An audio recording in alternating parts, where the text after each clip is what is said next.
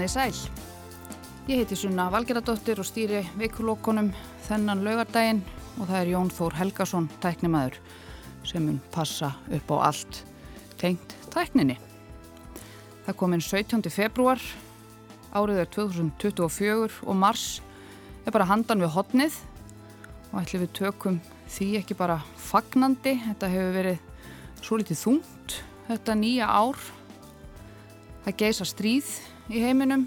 Grindvikingar eru að upplifa náttúru hamfarir án fordæma hér. Pólitíska umræðan verður einhvern veginn sífælt þingri og, og skautaðri eða polariseraðri. Og svo bara kallt og það er dimt og fréttinnar hafa verið einhvern veginn frekar svona í þingri kantinum. Og við vitum þetta, jú, allt saman vegna þess að við notum flest fjölmiðla.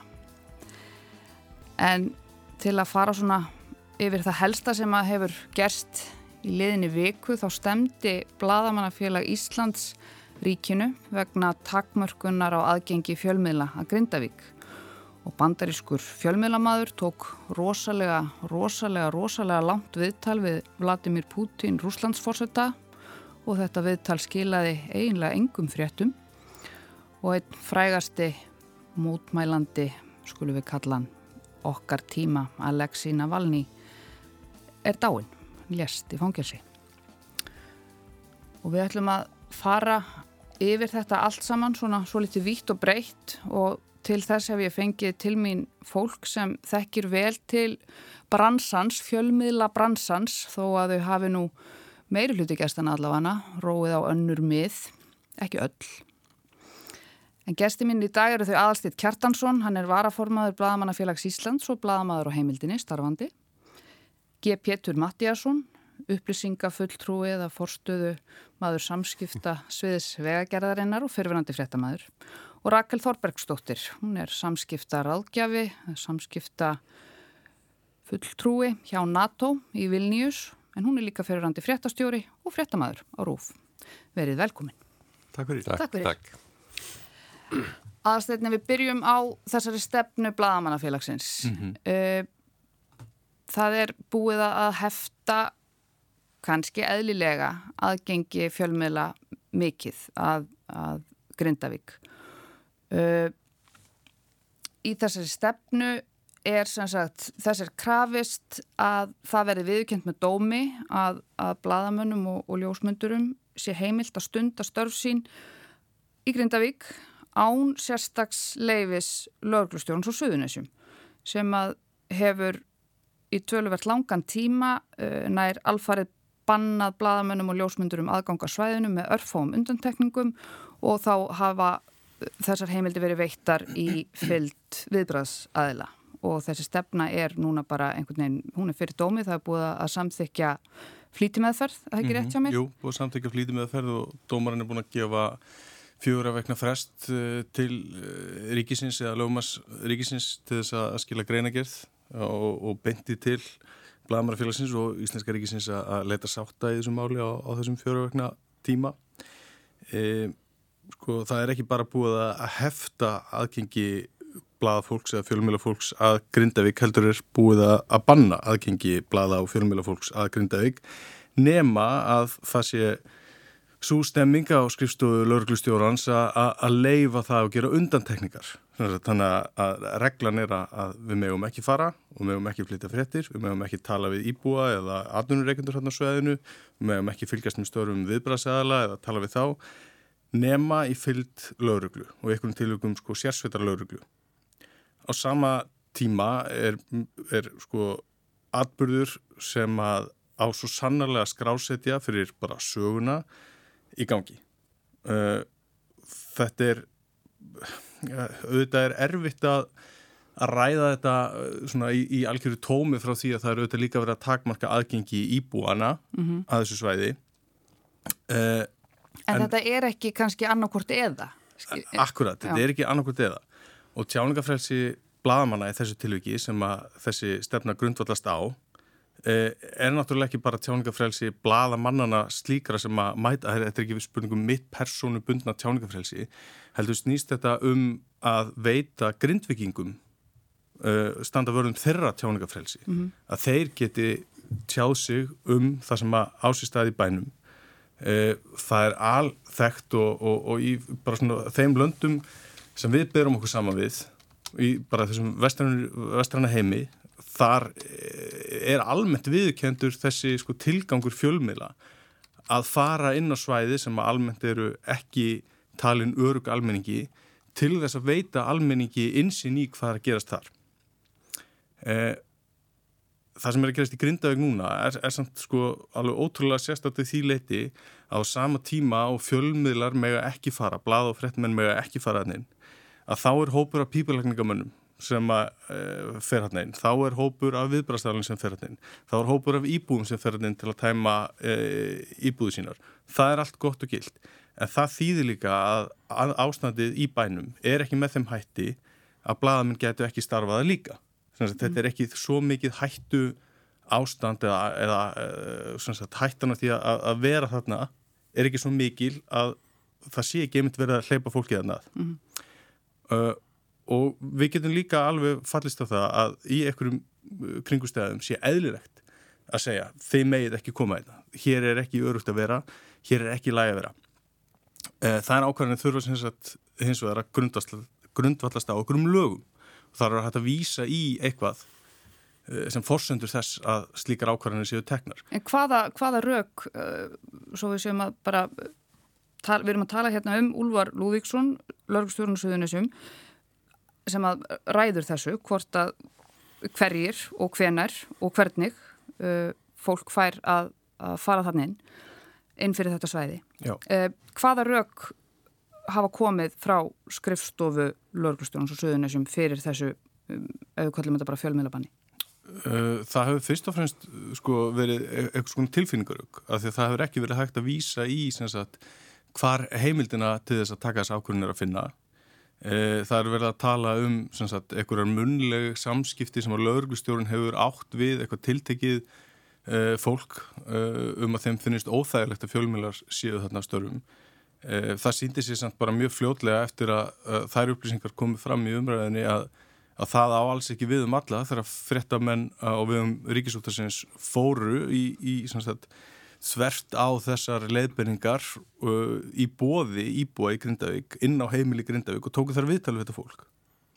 Uh, þannig að uh, þetta strax fellur um sjálft sig sko, að, að það sé þessi almenni vilji grindvikinga til að útiloka það að bladamenn geti skrásið þessa sögu. Mm og þar aftur sko ef við tengið það við það sem ég voru að segja áðan sko, þar snýst þetta um sko ekki tjáningafrelsi Hólmfríða Daniða sem fer og tekur þetta vittal heldur þessara íbúa að, að bjóða uh, heimdi sín og sína hvað er í gangi, skráseti það mm. og, og, og vera frjálst að tjási um hvað er að gerast í bænum sínum við heimili sitt.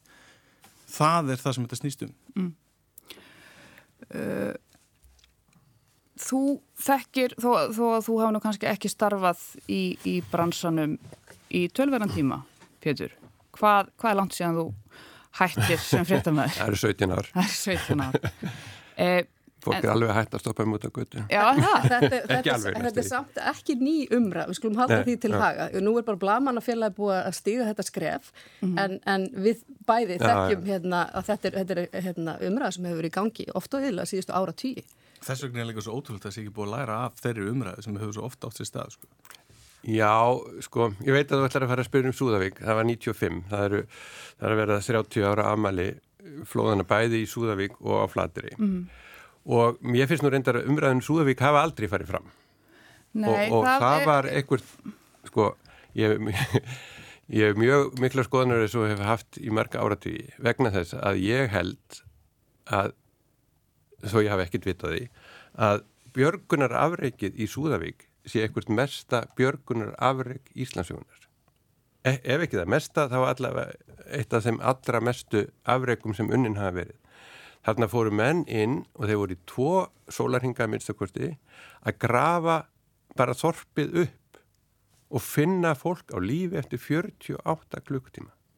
Þetta, hef, þetta hefur ekki var aldrei verið gert uh, þannig. Og fólk vissi og þessi björgunar að vissu að það var möguleiki enns á að finna fólk á lífi. Þannig að það var, það var barist við tíman að fara inn og grafa með skoplum af þessu afregi eru til 20 til 30 sekundur af myndbandi sem björgunarsveitamæður tók á Vafáharsvílina sína. Mm. og Vafáharskjæðin eru nú þannig að þetta er svona tölvert verra heldur en sko úr, úr tíu ára gömlum iPhone þannig að það er það eina sem er til. Og ég held að, að, að því að ég hugsaði um þetta síðan þá. Ef við kannski spólum aðeins einmitt tilbaka sagt, og hvers vegna er það? Það var sett á, á fjölmiðlabann Já, sko, þarna var náttúrulega mjög þægilegt og auðvelt að setja á fjölmiðlabann því aðgangunum var engangu með skipi. Þá frá landilíkskeslinni einhver öðru sem fara í, í Súðavík. Þannig að það var bara einfallega hægt að meina bladamennum um að koma um bort Mér minni nú reyndar að þeirra við fengið að fara eitthvað aðeins inn svona þegar leið á og þá máttu verið inn í einhverju húsi ekki fara út fyrir það og guðma auðvitað hvað. Þannig að það er engin viðtölu björgunarsvita meðan það er enga myndir af þessu, það er engin umfjöllun uh, nema það sem ég var að gera, að tala við einhvern til stjórnaráðinu hvað ríkistjórnin ætlaði að gera mm. sem segir ekki nema, nema hluta sögunar og, og eins er menn alltaf að reyna að tala við einhvert fólk hann í þessu húsi en það er ekki, sko, umfjöllunin um um, um þetta afreg, björgunafreg og náttúrulega þessi bara hræðilega snjóflóð held ég hafi orðið mjög lítil. Hún var miklu meiri uh, flóði í flateri sem var í oktober sama ár vegna þess að þar var aðgengi bara meira. Og svo þegar maður fer að hugsa um þetta með mitt núna varandi Grindavík að þá þá kannski fer maður einmitt líka að hugsa um það að fólki í Súðavík sem verður fyrir þessu að það umfjöldinin hefði kannski einmitt hjálpað því mest að fá umræðu um mm. þetta og ræða þetta og, og fara í gegnum þessar hluti í staðin fyrir einhvern veginn svolítið að, þegja það í hel Ég rakst á á vafri mínu um interneti þá rakst ég á björritgerð sem að Stefania Hrund Guðmundsdóttir gerði fyrir fjölmjölafræðina við Háskólinu á Akureyri 2020 og titillin er innan gæslappa þú sendir ekki þingfréttarittara í svona leiðangur. Hver ræður aðgengi fjölmiðla að vettfangi snjóflóða og hafa orðið við þórsbreytingar á hlutverki fjölmiðla síðustu 50 ár þegar kemur að umfjöldunum snjóflóða þetta er áhugaverð rittgerð og yfirgrips mikil og hún fjallar um þetta fjölmiðlabann meðal annars. Og, og hún segi, eða stendur í, í rittgerðina eftir snjóflóðið Súðavík þá streymdi að fólk frá öllum helstum miðlum landsins bæði ljósmyndarar og fréttamenn meðal þeirra voru Ragnar Axelsson, betur þektur sem Rags sem að var uh, þarna og er fréttaljósmyndari Morgonblæsins. Uh, hann segir í viðtali við Mokkan 2015 að sorgin við svona atbyrð hafi verið mikil og að takja á alla að koma á stað þar sem hörmulegir atbyrður hafa gerst. En þrátt fyrir það sé mikilvægt að eiga myndefni frá slíkum atbyrðum þeir séu hluti af sögulandsins og myndefni er góð aðferð til að eiga þá sögu á skrá. En þeir fengu ekki aðgang, þeir þurftu að stoppa á Ísafyrði uh, og voru, sem sagt, og svo er rætt við fréttamann þarna sem að uh, voru stöðvaðir af síslumanni, Ólafi Helga Kjartansinni. Uh, og var þeim tilkynnta myndefni sem hefði verið lekið til stöðvar 2 uh, hafi ekki fengið sleifi til þess að taka. Uh, og fjölmjölafjólk fekk ekki að vita af því áður en komið var til Súðavíkur að bannværi á myndatökur og fréttaflutning. Uh, er sko en er þetta ekki og, og sínir þetta ekki vegna þess að, að þessi rítgerð er, er yfirgripsmikil og hún fer yfir uh, fjögur svona snjóflóð, það nýjasta sem að fjalla flatteri þarna 2020 en þetta er alltaf bara, þetta eru ákvarðanir sem eru alltaf bara teknar uh, þegar atbyrðinir gerast. Þetta er svo litið að byggja varnargarðana með gósbjarman í baksín, þú veist það virðast ekki vera neinar einhvern veginn ákveðna reglur eða verklagsreglur sem eru, sem er bara hægt að opna og þá fara eftir. Rakel, þú sko, uh, já, þekkir ég... þetta ágætlega líka. Já, já, sem fréttastjóri þá þurftum maður hérna, alltaf reglulega að eiga samskipti og samtöl við, við uh, laurugleföld og lauruglustjóra og það voru hérna, ekki svona stórir atbyrðir eins og, eins og hérna, Pétur hefur verið að lýsa. Ég man til dæmis eftir einu atviki hræðilegt slisa á Suðurlandi fyrir nokkrum árum síðan og, uh, og það, þar var, var hérna, uh, hérna banaslis og, og hérna í umferðinni og uh, það átt að, og fjölmilar var mjög hérna skertur aðgangur og við í rauninni fengum ekki uppháðlega leifi til að mynda og það var svolítið svona barningur og þá, hérna, mér varst það bara svo gott dæmi um í rauninni svona þá sko vanþekkingu eins og ég upplifið það, lauruglu valdsins á hlutverki fjölmiðla og að sko að, að halda rýtstýringin eigi að, að fara hérna, að þeir eigi að, stýra henni fyrir það fyrsta. Uh, auðvitað veit maður og, og það var til dæmis í þessu hérna, það, það getur oft verið mjög viðkvæm mál og þá verður að vera á hvið tröst. Og, og meðal annars var raukstuningurinn hjá mér þá að menn erðu að treyst okkur til þess að fá að mynda þarna aðstæður og svo myndum við bara af, af, af heilindum og, og eh, já, var, varfærni eh, taka út þær myndir sem ekki var eðlilegt að, að, að færu fyrir almenningssjónir Og, og þetta var svona, þetta var eh, hérna mál sem að, sem að hérna var, mér fannst bara svo skýrt það sem að menn skildi ekki alveg þetta hérna, hlutverk.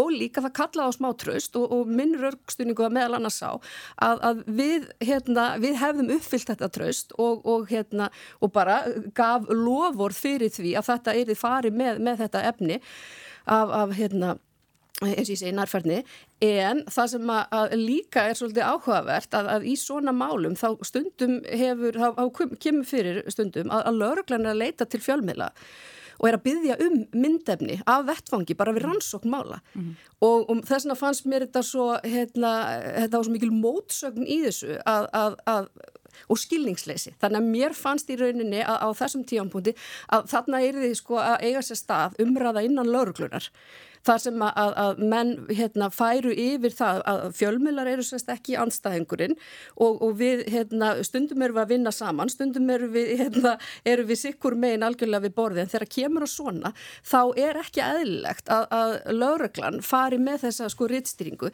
Það er eðlilegt að lauruglan setja upp takmarkanir þegar það er sko öryggis ástæður eða, eða eitthvað slíkt og ég, ég held að það séu kannski svona e, rauk til dæmi sem að maður hefur heyrt að, að það hafi ekki verið nær björgun og sveita menn til þess að á tímabili hérna strax í upphafi þegar það kemur upp hérna núni í nógumber en það er bara úrlausnarefni.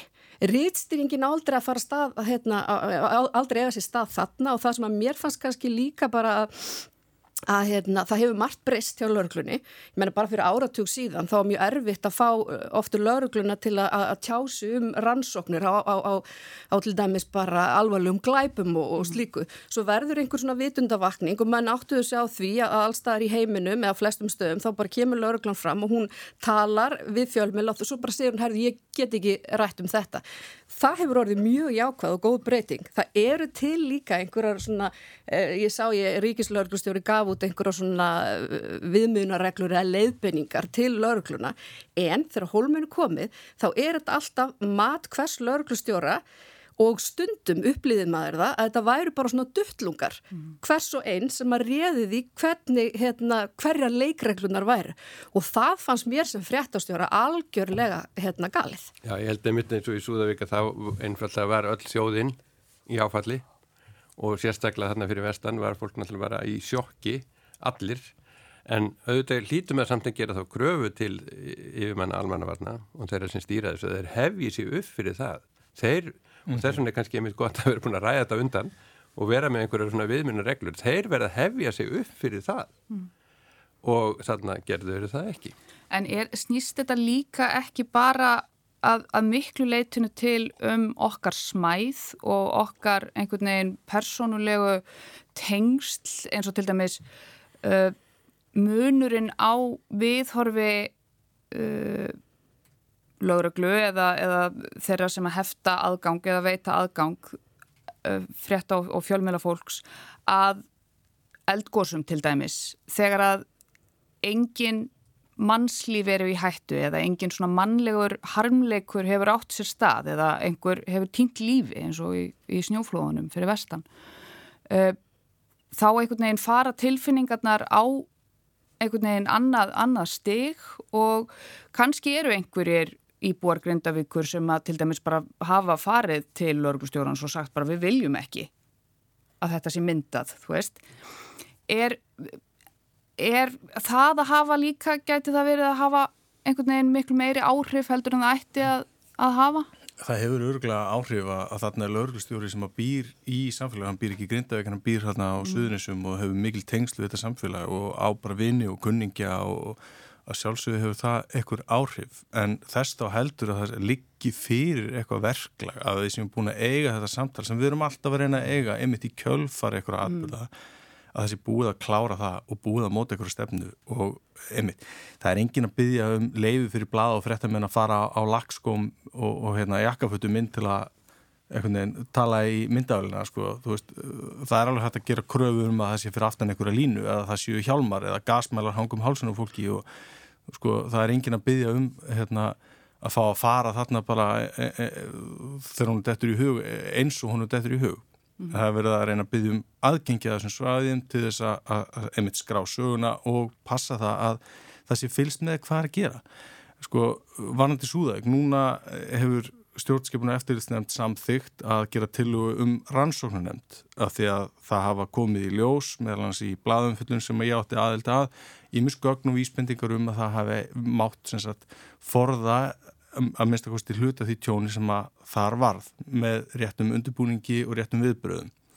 E, það er hins vegar ekki til, eins og þú ert að nefna gefitur, það er ekki til myndefni, það er ekki til upplýsingar til að fara og skoða.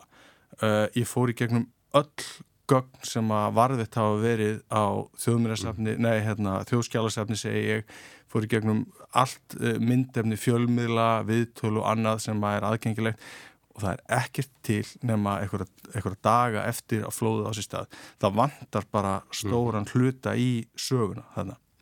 Eh, og þegar að þessi nálagð er að þá skapast hætta á þessu teknar ákvarðanir einmitt í augnablíkinu sem að snúast ekki um sko haghildarinnar eða það hvernig við viljum raunverulega halda utanum hlutina að skrásöguna heldur til þess að venda einhverja óskilgreinda persónulega tilfinningarlega hagsmunni og í því samikið langar mig að, að benda á eftir flóðinni Súðauk þá koma þarna fjöldi bladamanna að þar á meðal eh, Styrmir Guðlússon sem þá skrifaði fyrir helgapóstin eh, og hann fær þær upplýsingar frá yfirvöldum á Ísafyrði að hann eigi sko alls ekki að tala við snjóflóða eftirlitsmannin sem starfaði þarna vegum viðstofunar.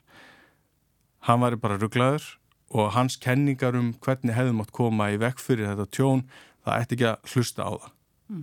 veist þannig að um leið og þú ert búin að opna á þetta og þú getur tekið einhverjar ákvarðanir um hvernig fjölmjölar er að haga stöðnum sínum það byrjar kannski á okkur um aðgangstakmarskunum þar sem að það er já, hægt að færa rauk fyrir því að þetta getur verið hættulegt og þetta getur verið óþægilegt að hafa ykkur á en þá ertu mjög fljótur að fara og segja já en ekki heldur tala við þennan þannig hann, þú ætti ekki að hlusta það sem hann er að segja og hérna höfum við bara dæmi um hvernig þessi þróun á sér stað ég er ekki að segja að þetta átt sér stað í Grindavík en þetta átti sér stað mm -hmm. eftir flóðinu Súðavík mm -hmm. þannig að þetta er ekki alveg úr lausulofti gripið þannig að við þurfum bara að hafa þetta skýrt og meðal annars er það tilgangur þessara stefnu blamarfélagsins mm -hmm. að fá bara hreint hvernig þetta ávera og hvernig þetta má vera mhm. Það er náttúrulega líka einhvern veginn hálf svona ef maður sér kjánalegt bara að, að eins og bara inn á, á fréttastofu og inn á öðrum rittstjórnum að, að þurfa að ringja daglega í, í einhverja mannesku til þess að aðtúa hvort að fjölmjölar geti þá fengið að fara í dag eða ekki. Síðan eru dæmi um það að, að fjölmjölar hafi fengið grænljós og síðan var hætt við og síðan er þetta orðið að einhverju svona persónleiri rimmu á, á internetinu. En bara svona svo að því við erum hérna öll bladamenn og þetta eru kannski svolítið hérna einhlega, þannig að bladamæður í mig sem það langar mun samt bara að segja auðvitað geta alveg verið hérna aðstæður og þegar þú segir um dagamunur og allt það, það er nefnilega einmitt máli að þegar þú ert með sko aðstæður eins og eru þarna, þar sem að náttúrun er líka duttlungafull og hún, hún er alltaf, ups, ég er ekki alveg, ég er full róleg sko, Nei, að, að, hérna, að þá geta aðstæður breyst mjög hratt og, og þá þarf kannski að, að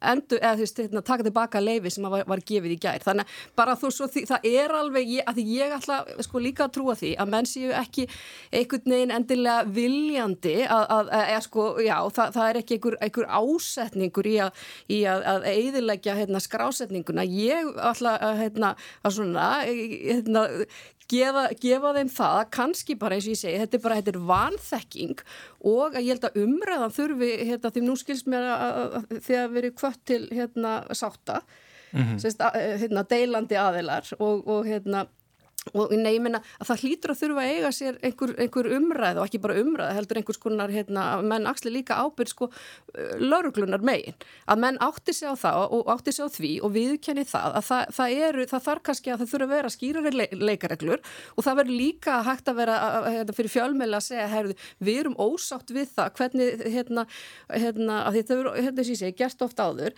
að hvernig hlutum að fyrir komi og kannski sé hægt að vísa því eitthvað í rauninni eins og hver, hver, hver er annari sko áfríun þannig að þetta fall ekki bara dött niður með, með ákverðun hérna, einstaklingsins. Já, það er eins og þú segir, þetta er náttúrulega mjög kvikt þarna í Grindavík og það er, það er náttúrulega dagamunur algjör og eins og þegar menn áttuðu sig uh, svona á alvarleika sprungnana þá til dæmis þegar við hjá vegerinu vorum faraðan inn og þá fórum við bara mjög varlega við, þú, að, þú fórst ekkit inn á hættulegsta svæði til dæmis fyrir að þú varst búin að senda einhverja dróna og helst vildu við senda jársjá dróna og sjá eitthvað.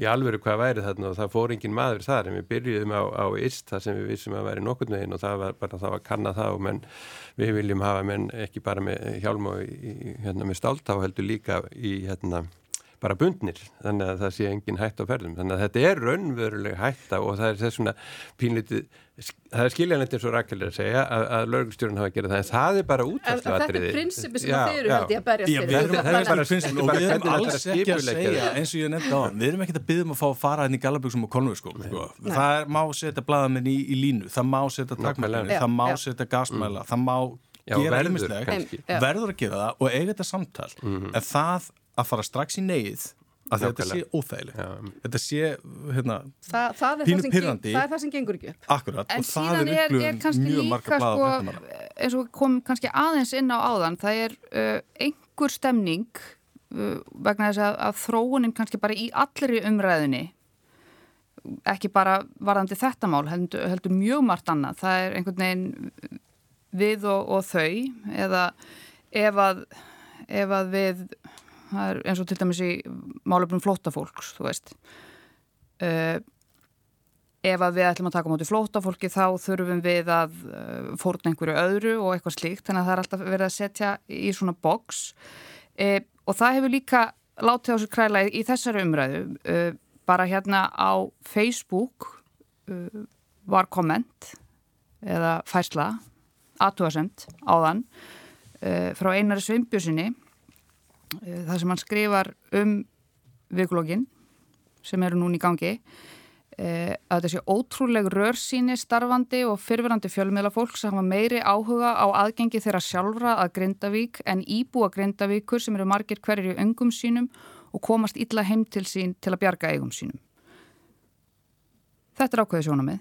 Algjörlega. Og, og ég er ég hef alltaf reyndar að minna það við ætlum að ræða ímislegt sko hérna annað hérna tímavörðunum gestur hér. en, en það er nefnilega líka og sko því ég er búin að vera aðeins í, í, í hérna burtu er hérna, tímabundið að vinna í útlandinu og þá svona öðlast maður örlittlega sko fjarlæð þó maður fylgist með og þetta er náttúrulega sem er að gerast í Grindavík eins og þið fóruð inn á þetta er ekki bara, þetta er sögulegt og, og, og, og hræðilegt á, á, á svo marga vegu.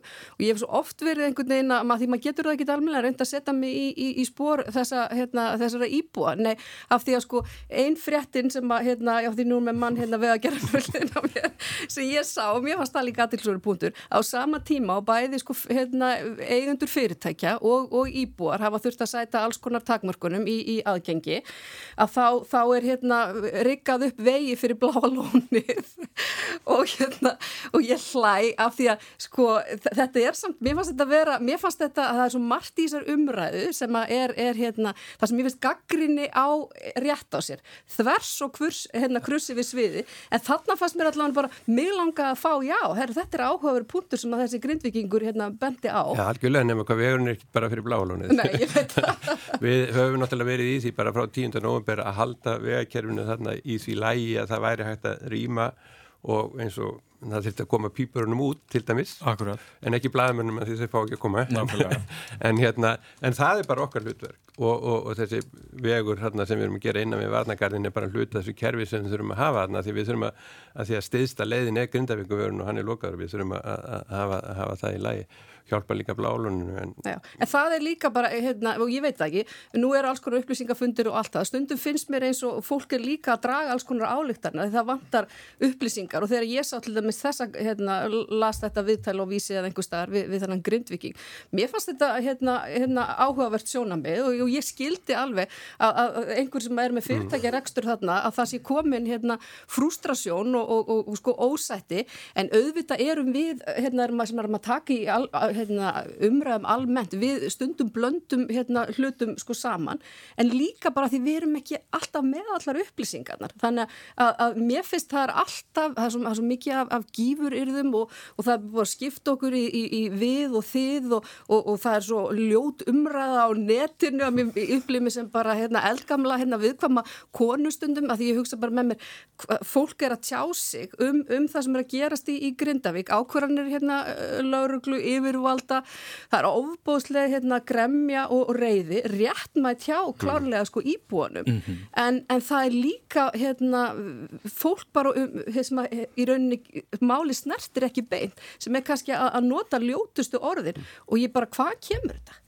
Veist, þessi reyði og Já, bara eðlilega er fólk í þessum aðstæðum reitt og bara sínu því skilning Já, ég er, ég er ekki, nei, nei, nei, að tala um íbúinu sko. ég er að tala um hérna sem að hérna, sérfræðingan á kantinum Já, líka bara fullt af fólki reitt og bara, ég, ég er tilbúin að sína þeim öllum skilninga að vera reið, það er eitthvað ástæði fyrir því En það er alls ekki að þegar við erum að tala um þessa aðtúasend uh, Einars Sveinbjörnssonar um að, að hér sé verið að svo mikil rör sín að tala bara um aðgengi blagamanna en ekki grindvikinga. Er, eh, blagamenn eru ekki að byggja um að fá að fara þarna inn á kostnað grindvikinga. Það er ekki verið að byggja um að, hérna, stoppa grindvikinga frá því að fara hendi sín að sækja eigusínar eða, eða vitja egnaða fyrirtækja eða, eða, eða hvað það nú er svo að blagamenn komist. Það er alls ekki það sem við erum að byggja um.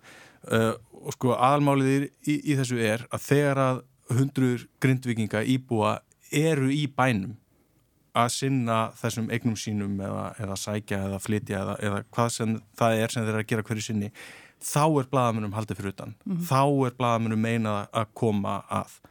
Þannig að sko, það er ekki verið að Það sé svolítið lýsandi sko eftir, eftir hérna jarðskjáltana þannig að tíundanófer uh, að þá kemur helgi og okkar menn höfðu náttúrulega farið inn og kanna ástand vegagerðum sem svo tekið myndir og, og ég fæði þess að senda myndir á lögadegi og bara í mínu helga frí og hvað hva ég gera þessar myndir? Því ég hefði beðið um að taka myndir fyrir mig því ég vildi sína lókun, ég vildi fá mynd af lókun svo kom bara allir myndir af sprungum. Og þá bara ger ég litla frétt á, á heimasíðu vegagerðanir og ég held að basically þá hafi engin átt en ekki að monta með því en, en það er svo Ég held bara að því að almannavarnir, einhverja hlutavegna eða einhverjir, eða það voru ekki blada fréttamennina, þessa myndi kom bara út á, á heimasíðu vegagerðanar og allt í nú þar fann ég fyrir því að grindvinging voru átt að segja á alvarleika málsins. Mm -hmm. Þetta var ekki bara gós einhverstaðar nálagt, það var bara sprungur, stóra sprungur inn í bænum og það var eitthvað að gerast að því þeir voru, fóru þarna kvöldið aður. Og, og, og maður spysi líka þessu, þetta er einmitt spurningin um ekki bara aðgengi blad og fréttum en heldur líka um þessa upplýsingamilun og, og maður skilur þetta almanaröfni þeir eru á kafi og það er alls konar lutir í gangi þar og skipul ekkert allt saman og bla bla bla. En kannski vantar emmitt þessa hugsun að, að þú þart að koma upplýsingum á framfæri og auðvitað eru kannski emmitt blad og fréttum bestir til þess. Og við sáum það náttúrulega líka svo að við uh, ljúkum kannski þessari umræðu uh, hvað upplýsingamilun í uh, skipti miklu máli í þeim faraldri sem að gekk hér yfir bara líkilatrið ekkert rosalega löngu síðan. Og hvað það einhvern veginn skipti gífurlegu máli að, að fá það reglulega. En Rakel, þú hefur nú komið inn á það nokkru sinnum að þú eh, ert núna búsett annar staðar. Og ert, segð mér aðeins frá þig í hverju þitt starf fælst. Já, sko ég er uh, tímabundin uh, starfsmæður utanriksraðunettisins og er svona tæknilega séð uh, hluti, lítill hluti af framlægi Íslands til hérna, Allandsafs bandalags samstarfsins, NATO. og ég er að vinna hjá uh, mjög lítilli einingu í Litáin, Vilnius og, og hérna, þessar einingar sem heita NATO Force Integration Unit þær voru settar upp 2015 sem í rauninni beint hérna, í rauninni svar við innrás rúsa og innlimun á, á Krímskaga. Mm -hmm og uh, ég er bara í upplýsinga og samskiptamálum, þetta heitir Strategic Communications, ég eh, hérna, reynd að finna góða þýðingu á því en ekki alminnilega hérna. Og svo náttúrulega bara svona uh, almanna tengslastarf. En af því að þetta er sko lítil eining þá er það líka það sem við kallum bara svona eins og eitt af því sem að, að ég er að gera, ég er að vinna með dönskum yfirmanni hérna, þessar uh, litla hérna, náttúreiningar og, og hérna, ég er aðstóð hann í alls konar málum, samankvort að það tengist einhverjum, einhverjum viðtölum eða, eða hérna, fylgjast með fjölmjölum og upplýsan um það sem er í gangi. Og til dæmis það bara að búa eh, tímabundi núna í, í landi eins og Litáin þar sem við erum sko 30 km frá Belarus Eh, það er bara allt annur upplifun á, á bara stöðu mála finnst mér í, í heiminum heldur en að vera hér heima. Og, og hérna, ég veit ég er aðeins að fara til hliðar en það er bara eh, ég finn svo gríðarlegan mun á því eh, sko eh, það er svo stutt síðan að litáar voru að berjast fyrir sínu sjálfstæði með rúsneska skriðdrykka bara inn í Vilnius, það er bara rétt sko 30-33 ár, ár hérna síðan. Og, og hérna og þetta er rosalega, þeim, þeir eru með svo mikla tengingu við það sem er að gerast í Úkrænu og hafa bara margir sagt fullum fettum að við, ef við værum ekki í NATO þá værum við hérna, mm. næsta hérna, land sem að, sem að rúsar færu inn í. Mm. Þannig að öll, í rauninni allt samfélag, gríðilega mikið tala um varnarmál og, og varnir landsins og mögulega ógn og hættu og það er allt annað að heldur en hér heima þar sem er mjög lítið talað um, um varnamál og kannski eðlilega, við erum mjög langt frá þessari austur hérna línu. En, en þetta er bara mjög sko áhugavert og nýtt fyrir mér, ég er eini hérna borgarlegi starfsmæðurinn með hérna uh, 40 hermönum og, og hérna þetta er bara mjög áhugavert. En, en minna sumt er bara eins og í öllum vinnum, sumt sem maður er að gera er, er hérna er, er nýtt og áhugart og skemmtilegt og annað bara ekkit, ekkit spes, bara eins og hérna á fréttastofunum hljóna, sem það er skemmtilega en annað sko. Annað hundlegileg. Já.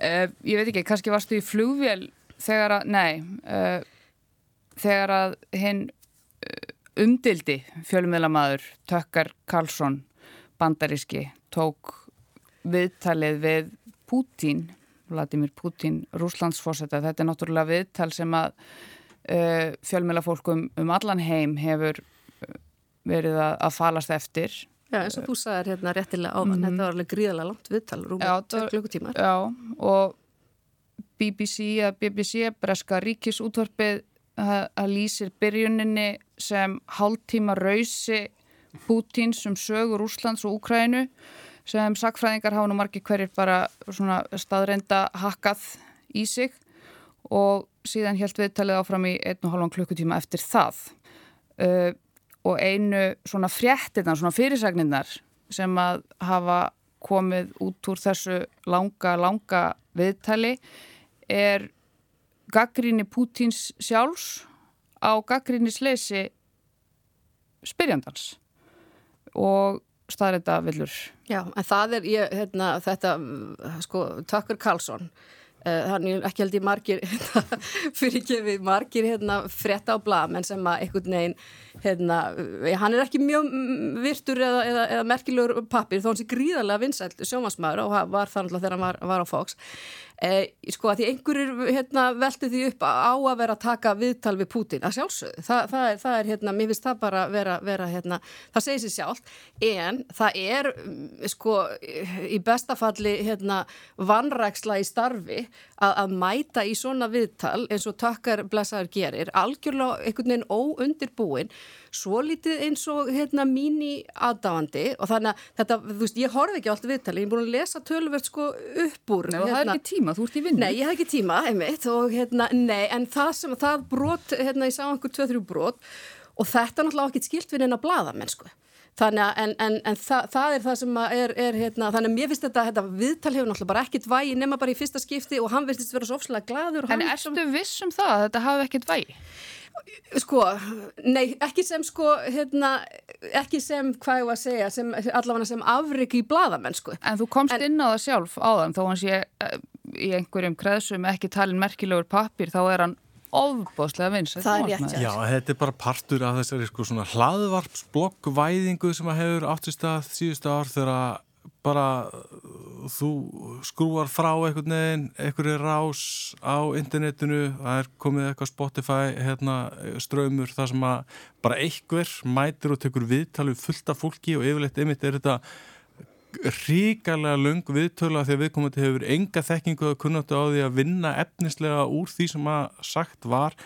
Tökker Karlsson hefur náttúrulega bara farið frá því að vinna á, á sjónvastöðu sem að en kannski fyrst og fremst þó hún heiti Fox News þá er þetta fyrst og fremst aftreyingarefni sem að, sem að þarna byrjast. Hann var líka aðeins fyrir utan fréttastofn því hann var meira svona bara eins og þáttastjórnandi til því að sko. fréttastofna sko. Þannig að, að, að hann fer bara sko ennþá lengra upp á þann vagn. Já, hann hafði leifið til að fara bara yktustu leðina. Akkurat og þarna er hann bara algjörlega komin í hlaðarpskýrin bara sest niður með einhverjum mm. frægum, hann sjálfur frægur og þeir spjalla saman ótrúlega lengi og það hefur enga þýðingu þetta, þetta hann tekur náttúrulega ekki þetta viðtala alveg í tómarúmi og allt þetta Fox dæmi og sem er mjög áhugavert bara út frá bladamennsku sjónamiði hvað er Fox News? Mm -hmm. e Erum við að tala Meina, það er augljóslega er sjómarstöðin ekki hlutlaus. Það er náttúrulega kostninga ári í bandaríkjum, þannig að ekki miskila en ég bara meina sem svona eitthvað stakku viðbúru en auðvitað er þetta allt í samhengjum, menn hafa líka verið að lesa eitthvað þó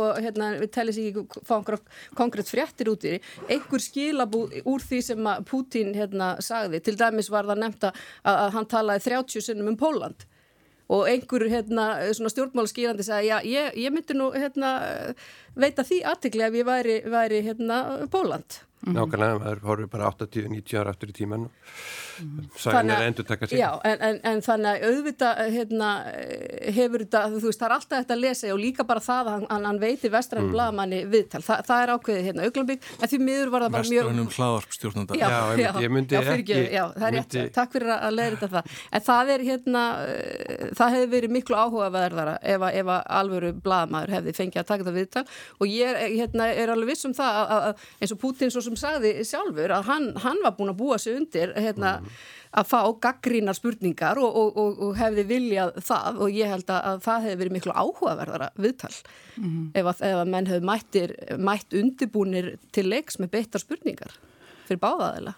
En þú komst inn á það aðeins að og eðli málsinsamkvæmt að auðvitað er, er umræðan um, um varnarmál og, og þessi stríð í heiminum tölvert önnur þar sem að þú ert núna starfandi. Hvernig upplifuru umræðuna um, um stríð Ísraels og Palestínu þar?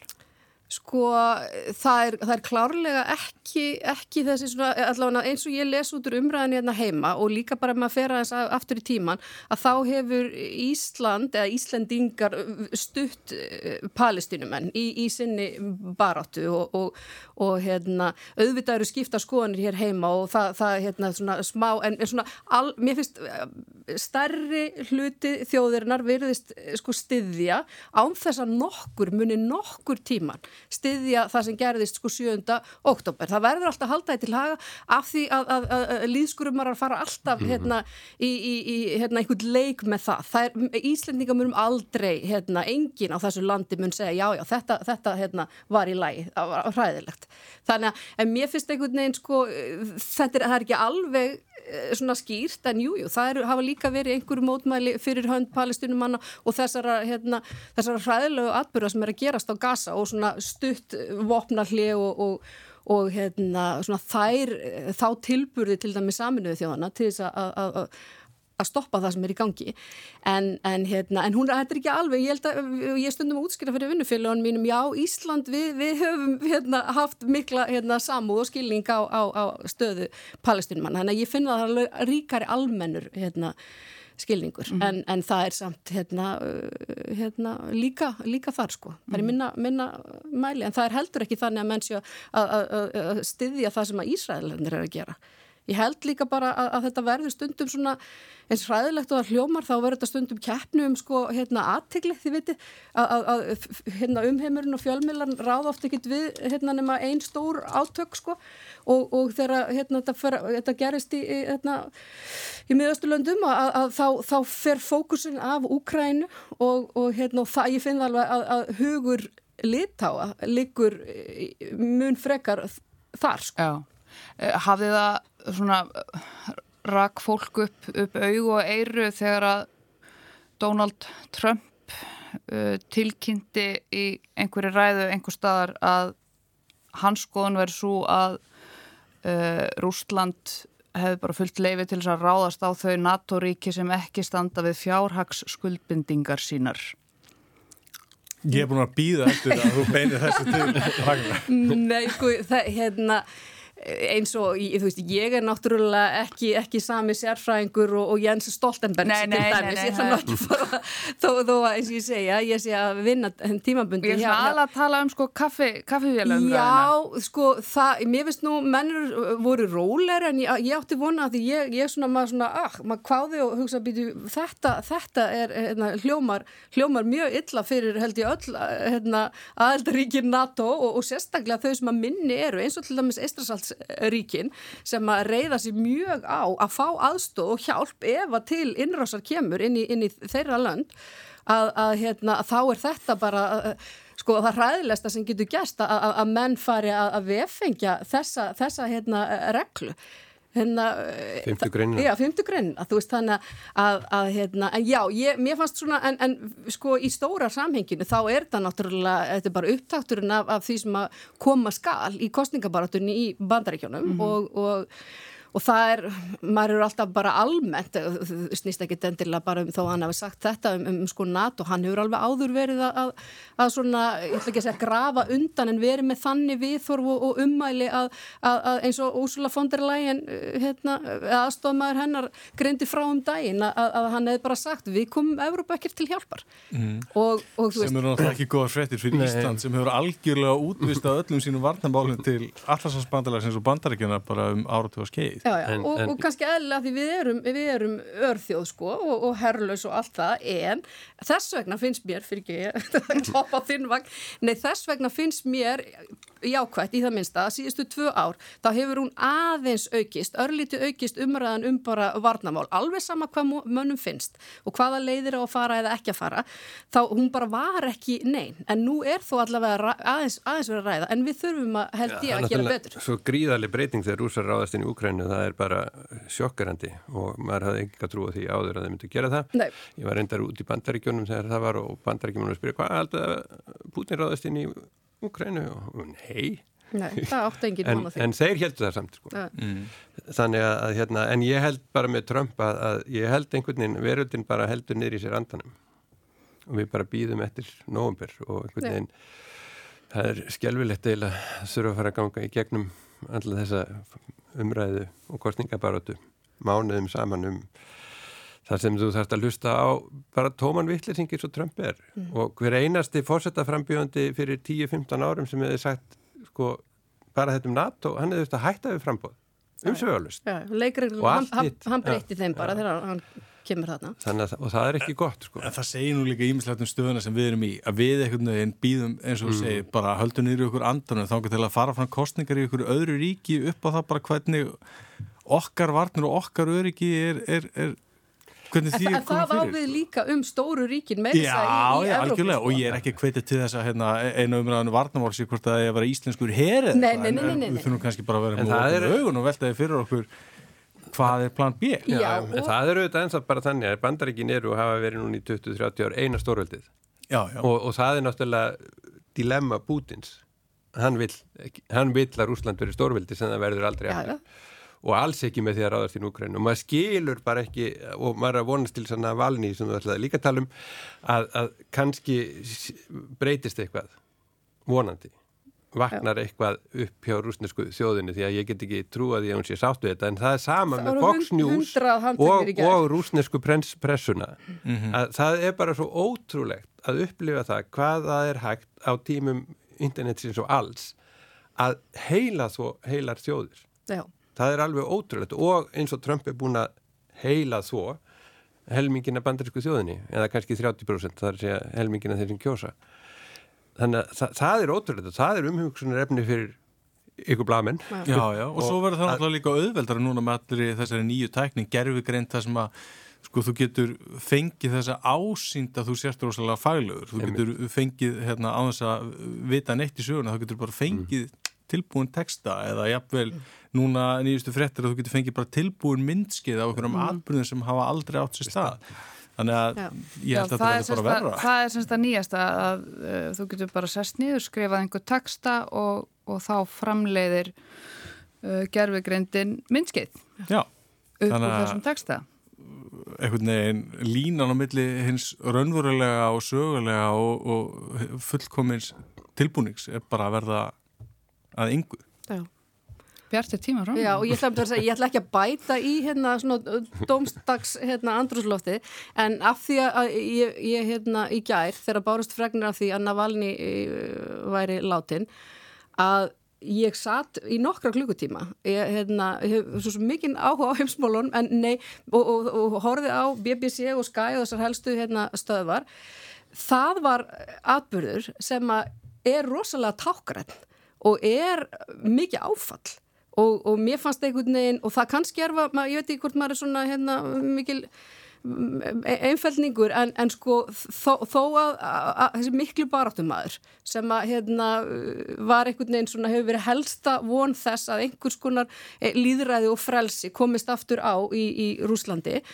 að, að hann var í fangelsi en, en það að, að það var bara eins og með, með, Nelson Mandela bara að hann getur haldið áfram þó menn séu jáfnvel í fangan nýlendu hérna í Sýberju að, að hérna, það að hann sé núna farin og auðvitað bera rúsar hérna, ábyrða því að hérna, hver svo sem nákvæm dánarósök uh, var að þá hérna þá fannst mér þetta bara, æ, ég, ég fannst ég þekki náttúrulega ekkit frekar þið en að valni en ég var bara slegin og mér fannst þetta bara, þetta var hérna, áfall í fyrir okkur sem að hérna, viljum Það er slóma líka, sko, maðurinn er, er það farið með til Sýberíu sem hefur náttúrulega tákar hennar merkingu líka.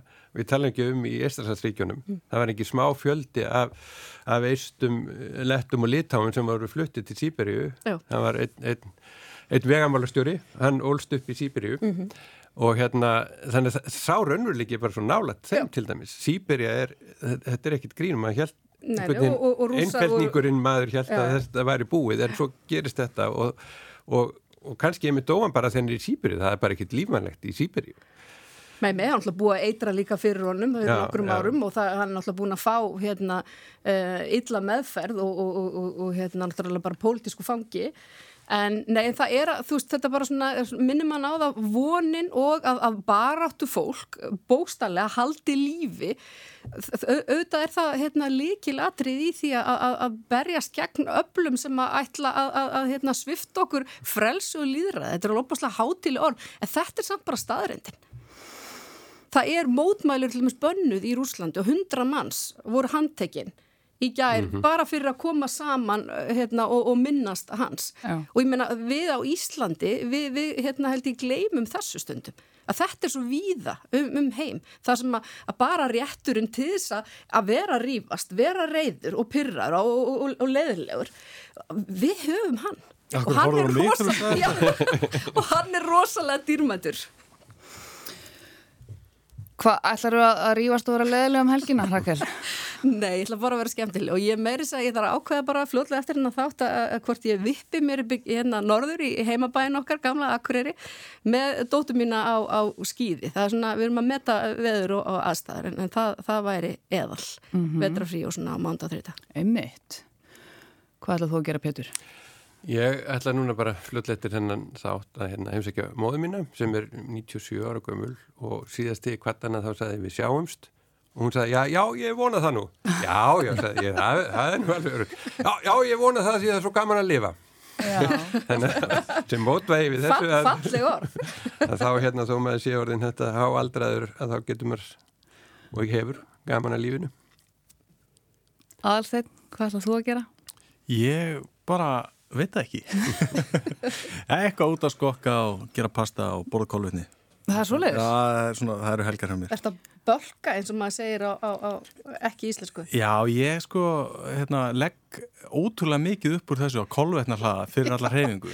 Takk fyrir að því það og hérna Þú er búin að vera svo lengi út Já, bara, smá hreymur hérna hjá mér. Já, hreymur En sko ég jafnveg legg meira upp úr því að kólvetna hlaða heldur en svo að hlaupa Þannig ég er ofta kólvetnarhlaði marga mánuðu fyrir já. kannski eitt, tvö skipti. Ég er að því allt árið, sko. Já, já, einmitt. En ertu þá án kólvetna restina eða?